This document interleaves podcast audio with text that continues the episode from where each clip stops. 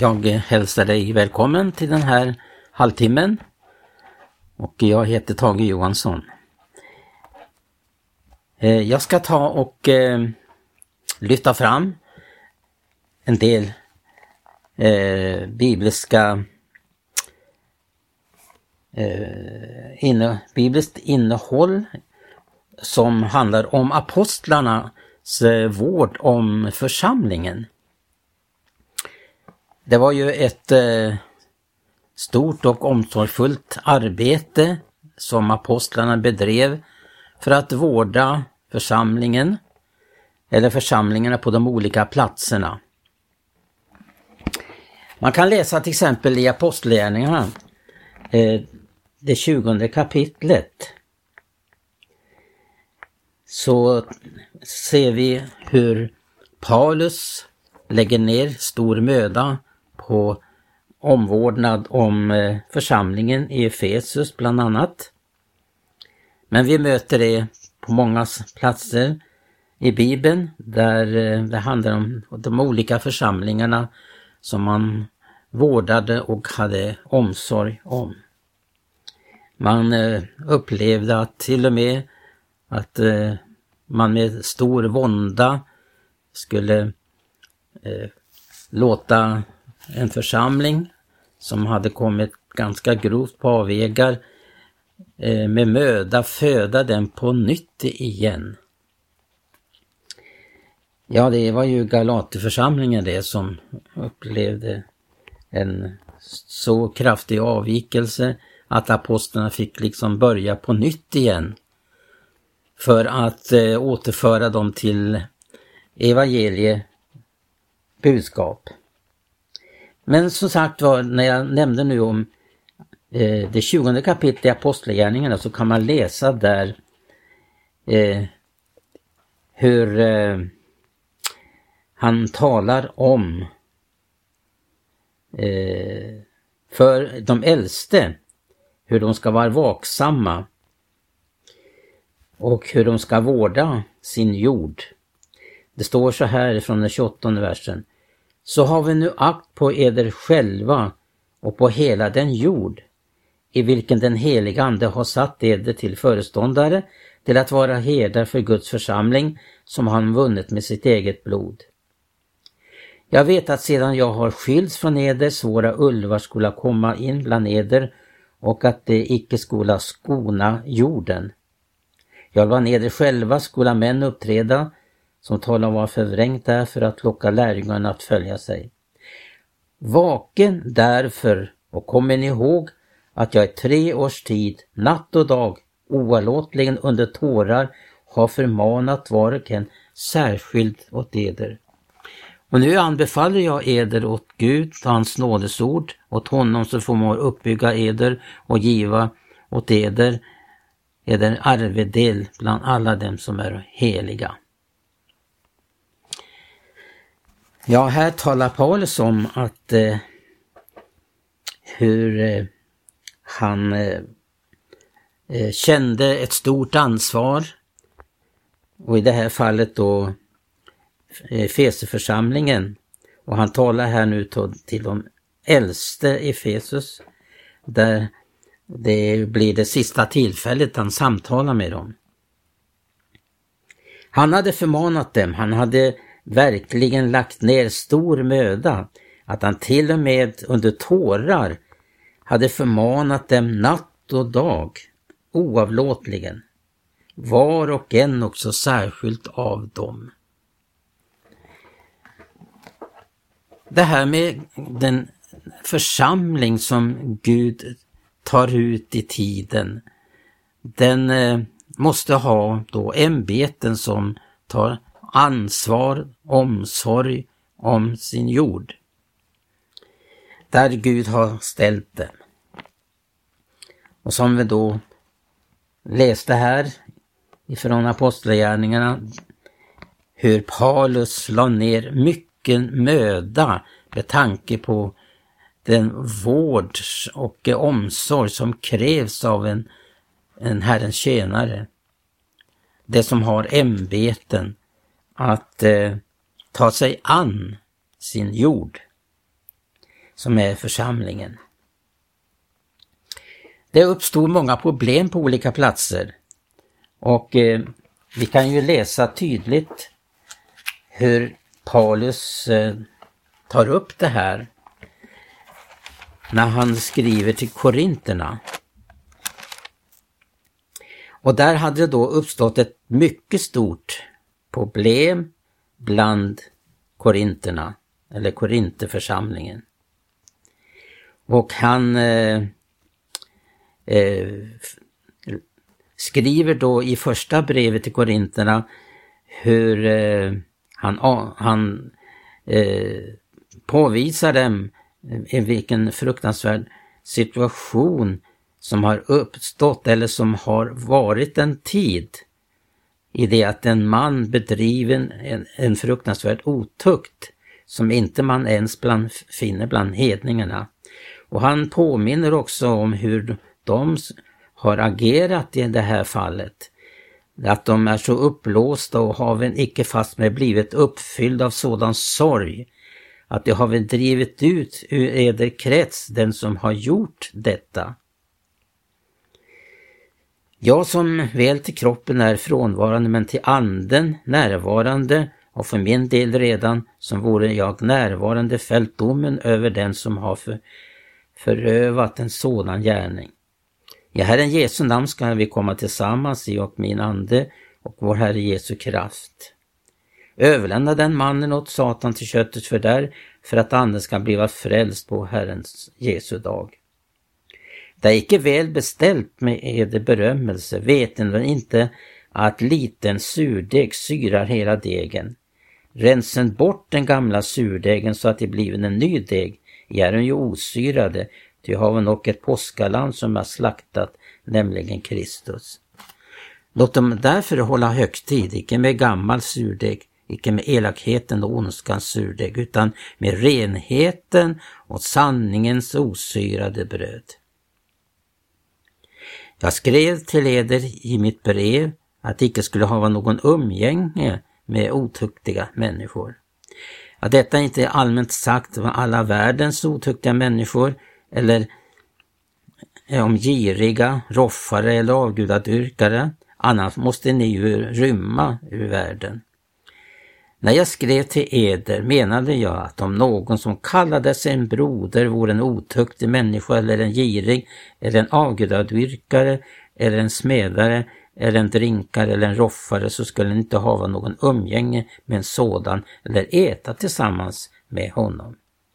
Han skriver vidare i nästa kapitel att eh,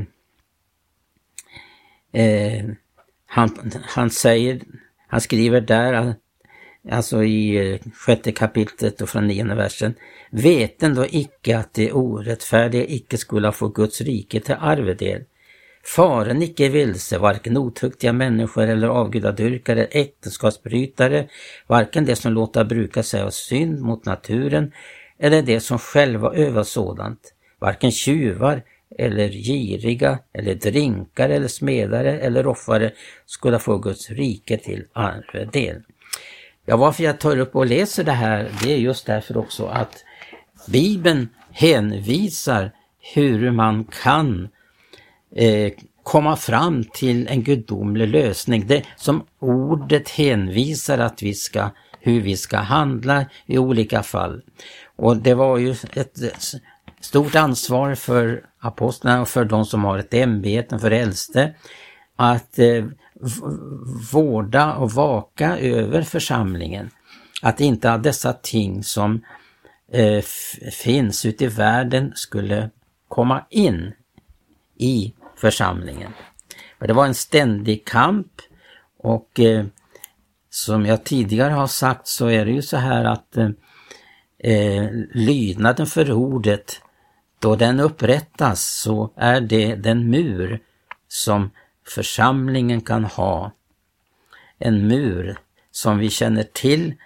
Vi har många förebilder i Gamla Testamentet om muren, hur den byggdes upp, hur den skulle vara intakt till exempel, så att det inte fanns något hål i muren, så att eh, de här revarna skulle kunna ta sig in osedda. Det är så att det finns de här små, till synes oskyldiga, eh, små gulliga små revar som verkar oförargliga, men som kallas för vingårdens fördärvare och tar sig in om det finns öppningar i muren. Men är muren intakt, då eh, kan de inte döljas. De kan inte dölja sig därför att är muren intakt, då måste de bli synliga när de hoppar upp på muren. Och då är det ju så att då skall de som har ämbeten i församlingen agera. Och eh, det som också Höga Visan talar om, där, en uppma där man uppmanas att fånga revarna åt oss, vingårdens fördärvare. Ja, det är verkligen viktigt då för de som har ämbeten i en församling att vaka över detta. Därför att dessa små revar de gav sig på rötterna och förstör växtligheten i lustgården.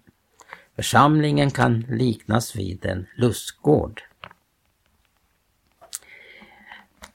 Det är alltid så att eftersom vi lever i en värld där synden florerar så är det alltid så att församlingen, den levande Gudens församling, är alltid attackerad.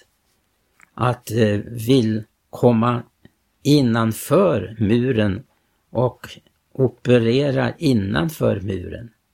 Men Gud har ju i ordet hänvisat hur vi kan uppleva att eh, det finns ett försvar för detta. Ibland kan det vara små ting som kanske inte verkar så, eh, ska jag säga, eh, hotfullt verkar inte vara hotfullt men ändå är någonting som fördärvar lustgården. Och därför så, när Paulus nu skriver till Korinterna så tar han ju tur där med ett grovt syndafall. Och eh, han eh, tar upp det så kraftfullt som det behövs för att den vederbörande som har begått denna synd ska kunna räddas för det är ju all tanken med all själavård och församlingstukt att det ska, att det ska användas för att rädda. Och han skriver ju där Paulus att för att hans ande ska bli frälst på Herrens dag.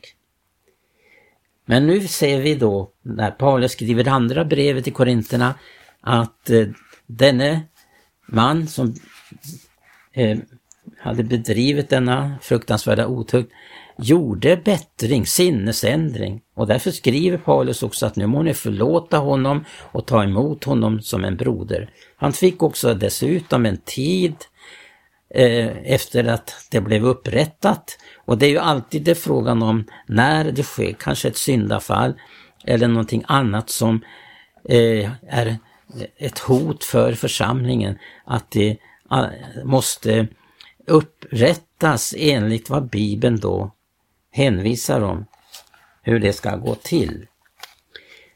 Det är väldigt viktigt då till exempel med bekännelse.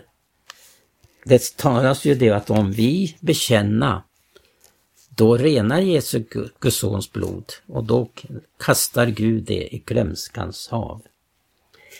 När jag har studerat just den här tingen sista tiden så har jag bland annat hittat någonting som var väldigt bra skrivet av Martin Ski, en norsk eh, förkunnare. Men den blev översatt till svenska eh, på 50-talet. Och han eh, skriver där om faran att dölja synd i sitt eget hjärta. Han skriver så här, jag skriver, bara läser några rader i början av det här häftet. Det är nödvändigt att bekänna sin synd. Ett öppet hjärta som ej nedtyngas av hemliga bördor är villkoret för den tillfredsställelse och vila som gör en människa lycklig. Om hjärtat tillsluter sig kring en hemlighet av orent och syndigt slag kommer det aldrig att lyckas begränsa dess verkningar i vår inre värld. Varje människa som har något hemligt att bevaka inför sig själv, inför Gud och andra människor kommer aldrig till åtnjutande av den personliga frihet som är villkoret för ett fullödigt kristet liv. Visst kan tiden läka många sår, men på den vägen finns det dock ingen läkedom för begångna synder som ligger förborgade i vårt inre. Kamouflage eller försöka att behålla hemligheten för sig själv är den tyngsta väg en människa kan välja. Nästan allt annat är lättare än detta. Och han citerar sedan då ett ord ifrån Ordspråksboken 28-13. Den som fördöljer sina överträdelser, honom går det icke väl, men den som bekänner och övergiver dem, han får barmhärtighet. Dessutom läste jag eh, ur en annan bok som jag just fick tag i det här genom en märklig andens ledning. Och där det också tar upp det här med syndabekännelse till exempel. Och eh, hur en, eh, den måste vara specifik. En, eh, han citerar en, en känd väckelseförkunnare på 1800-talet, Charles Finney. Och han är ju ganska välbekant för oss. Han skriver så här angående om synd som skall bekännas. Han skriver så här. En andlig väckelse kan väntas när de kristna börjar bekänna sina synder för varandra. Vid andra tider bekänna det i största allmänhet, som om det endast till hälften menade allvar. Det må göra det på ett uttrycksfullt språk, men det har ingen mening eller betydelse. Men när det kommer till oförställd förkrosselse och hjärtat utgjuter sin nöd i syndabekännelse kommer snart fördämningarna att brista och frälsningens strömmar flyta fram över den orten. Det här eh, boken då som jag nu nämnde, det är skrivet av en bibellärare och missionär som heter Edvin Orr. Han eh, verkade på 30-40-talet och in på 50-talet. Han talar om, eller skriver i den här boken om en erfarenhet. Och det ska jag be Gert att läsa här ifrån den här boken. Den heter också eh, Full överlåtelse. Ja, det står så här. Strax före väckelsen vid Bethel College i Minnesota i april 1949 med vilken serien av collegeväckelser i USA i mitten av seklet började, var jag sysselsatt med att förkunna ordet vid ett universitet i mellersta Amerika under ledning av en evangelisk studentsammanslutning. Jag var mycket uppmuntrad av studenternas bönemöten på middagarna, då de bad för sina oomvända kamrater, men jag var oerhört besviken och förvånad över att inte en enda av dem, som sålunda var föremål för förbön, avgjorde sig för Kristus. Andra som nåddes av vår verksamhet blev nämligen omvända. Ordföranden i sammanslutningen deltog inte i många möten på grund av att han var upptagen av annat. Hans hustru var på sjukhuset där hon just hade fött deras förstfödde. Sedan nämnde någon för mig i förtroende att dessa i övrigt utmärkta kristna hade varit gifta endast i fem månader. Denna olyckliga händelse oroade mig mindre än detta faktum att denne student sex månader tidigare hade accepterat valet till ordförandeskapet, vilket var hyckleri. Offentlig bekännelse av förbindelser före äktenskapet syntes onödig, men han skulle ha öppet bekänt inför föreningen sitt hyckleri och sin ovärdighet och avsagt sig ordförandeskapet och där fanns sådana som var beredda att föreslå hans namn igen, bara försyndelsen bleve bekänd. Han bekände aldrig sitt fel och Herrens dom vart oundviklig. Ja, det var från boken Full överlåtelse. Det är ju en av Edvin Orr. Vi ser ju utifrån Bibeln att eh, det alltid har varit viktigt att dra upp liksom en, en gräns mellan församlingen och världen. Att det aldrig skulle eh, ske att man skulle ge rum för eh, det som besmittar och eh, förstör. Jag tänker just här på när det står också om, som jag läste nyss här, att, eh, de, att eh, Paulus uppmanar dem i Korint att de ska rensa bort den gamla surdegen så att det blir en ny deg. I är den ju osyrade, ty vi har dock ett påskalamm som har slaktat, nämligen Kristus. Låt dem därför hålla högtid, icke med gammal surdeg, ej heller med elakheten och ondskans surdeg, utan med renheten och sanningens osyrade bröd. En församling kommer aldrig undan problem, men frågan är om det finns det som då har ämbeten tar tur med de ting som skall ställas till rätta och att det sker då en upprättning.